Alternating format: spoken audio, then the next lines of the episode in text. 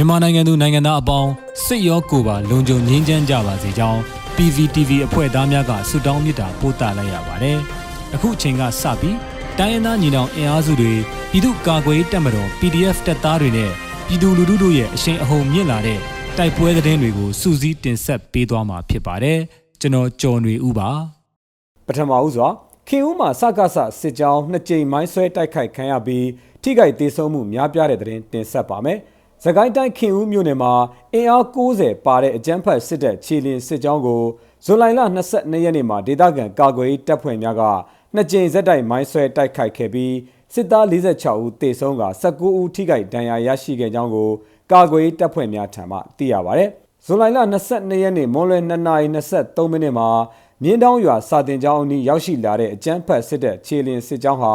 တနက်များပစ်ဖောက်ခဲ့ကြောင်း မွန်လွယ်3:22မိနစ်မှာစစ်သား10ဦးခန့်ဟာမြကန်ရွာထိပ်မှာထပ်မံတနက်ပစ်ဖောက်ခဲ့ကြောင်းမွန်လွယ်3:35မိနစ်မှာမြင်းတောင်းရွာစာတင်ကျောင်းနီးရောက်ရှိနေတဲ့စစ်တပ်စစ်ကြောင်းနှစ်ဖွဲ့ခွဲကတပ်ဖွဲ့ဟာမြကန်ဘက်မှဝင်ပြီးကြံတဖွဲ့ကတော့ကက်တရလမ်းမတစ်လျှောက်ကြေးရွာတဲကိုဖြန့်ဆင်းပြီးမြင်းတောင်းရွာတဲ့တနက်များထပ်မံပစ်ဖောက်ခဲ့ကြောင်းသိရတာပါညနေ၄နာရီကျော်ခန့်မှာမြင်းတောင်းမူးဘောင်ပေါ်တက်လာတဲ့စစ်သား10ဦးကိုမိုင်းဆွဲတိုက်ခိုက်ခဲ့တော်လဲပောက်ကွဲခြင်းမရှိခဲ့ကြောင်း ဒါပေမဲ့စစ်သား90ဦးပါဝင်သောစစ်ကြောင်းတက်လာတဲ့အခါမှာတီမိုင်းမိပြီးအများပြားထိခိုက်ဒေဆုံးခဲ့ကြောင်းစစ်သားများတက်ပြက်ထွက်ပြေးကြရာမြင်းတောင်းစာတင်ကျောင်းအနီးတွင်တိုက်မိုင်း၅လုံးဖြင့်ထပ်မံဖောက်ခွဲတိုက်ခိုက်ခဲ့ခြင်းဖြစ်ကြောင်းသိရပါဗျ။လက်ရှိအချိန်မှာရေဦးမှထွက်လာတဲ့စစ်ကား၄စီးဖြင့်မြင်းတောင်ချောင်းတရာအနီးတေဆုံးစစ်သားအလောင်းများကိုလိုက်လံကောက်ယူနေပြီးရေဦးမြို့သို့ပြန်လည်ထွက်ခွာသွားကြောင်းသိရပါဗျ။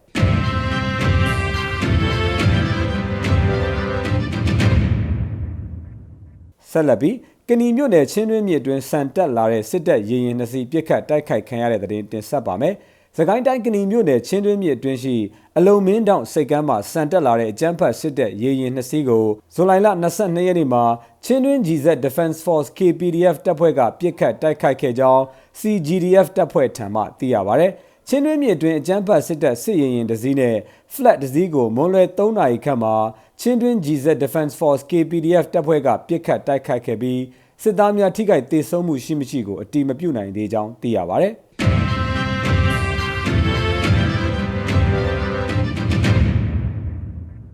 ခင်ဦးမှာစစ်ကောင်စီကင်ဘုံ drone ဖြင့်ဘုံသီးချတိုက်ခိုက်ခံရပြီးနှစ်ဦးသေဆုံးတဲ့တဲ့ရင်ဆက်လက်တင်ဆက်ပါမယ်။ စကိုင်းတိုင်းခင်ဦးမြို့နယ်ပြင်တောင်ရွာမှာတပ်ဆွဲထားတဲ့အကြမ်းဖက်စစ်တပ်နဲ့ပြူစောတိအဖွဲ့များကင်ဘုံဝင့်နေစဉ်မှာဇူလိုင်လ22ရက်နေ့ Future Hero အဖွဲ့က drone ဖြင့်ဘုံသီးချတိုက်ခိုက်ခဲ့ပြီးစစ်ကောင်စီတပ်ဖွဲ့ဝင်2ဦးသေဆုံးခဲ့ကြောင်း Future Hero အဖွဲ့မှတာဝန်ရှိသူတဦးကပြောပါတယ်။တစ်ပင်ရောက်မှာထိုင်ပြီးကင်းဘုံဝင်းနေတုံတိုက်ခိုက်ခဲ့တာပါဟု Future Hero အဖွဲ့မှတာဝန်ရှိသူတဦးကပြောဆိုတာပါ။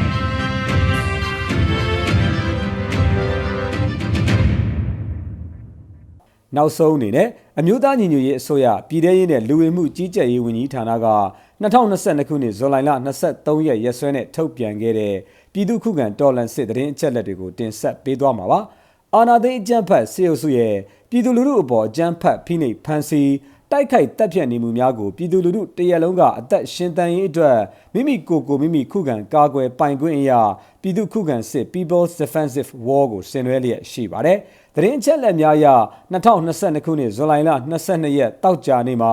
စစ်ကောင်စီတပ်ဖွဲ့ဝင်126ဦးသေဆုံးပြီးထိခိုက်ဒဏ်ရာရရှိသူ22ဦးအထိခုခံတိုက်ခိုက်နိုင်ခဲ့ပါတယ်။ ဆီယနာရှင်စနစ်မြမမြေပေါ်မှာအပြီးတိုင်ချုပ်ငင်းရင်းနဲ့ Federal Democracy တည်ဆောက်ရေးအတွက်ငြိမ်းချမ်းစွာဆန္ဒပြတဲ့လူလူတပိတ်တိုက်ပွဲများကပြည်내နဲ့တိုင်းဒေသကြီးများမှာဆက်လက်ဖြစ်ပွားပေါ်ပေါက်လျက်ရှိပါတယ်။မြေပြင်မှာတော့ယခုတွေ့ရတဲ့သတင်းအချက်အလက်များထက်ပို၍ဖြစ်ပွားနိုင်ပါတယ်ခင်ဗျာ။